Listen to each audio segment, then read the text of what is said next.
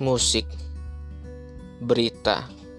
Ya, berita musik akan jadi topik pembahasan yang hangat untuk gue bahas di setiap episode. Mulai dari dalam negeri sampai luar negeri. Mulai dari solo ataupun grup sampai band atau mungkin apa pun. Mulai dari dangdut, pop, rock, jazz atau metal sekalipun. Atau mungkin dari Noah, Kahitna, Avengers Sevenfold bahkan sekelas Dream Theater pun akan gue bahas di sini. So, stay tune.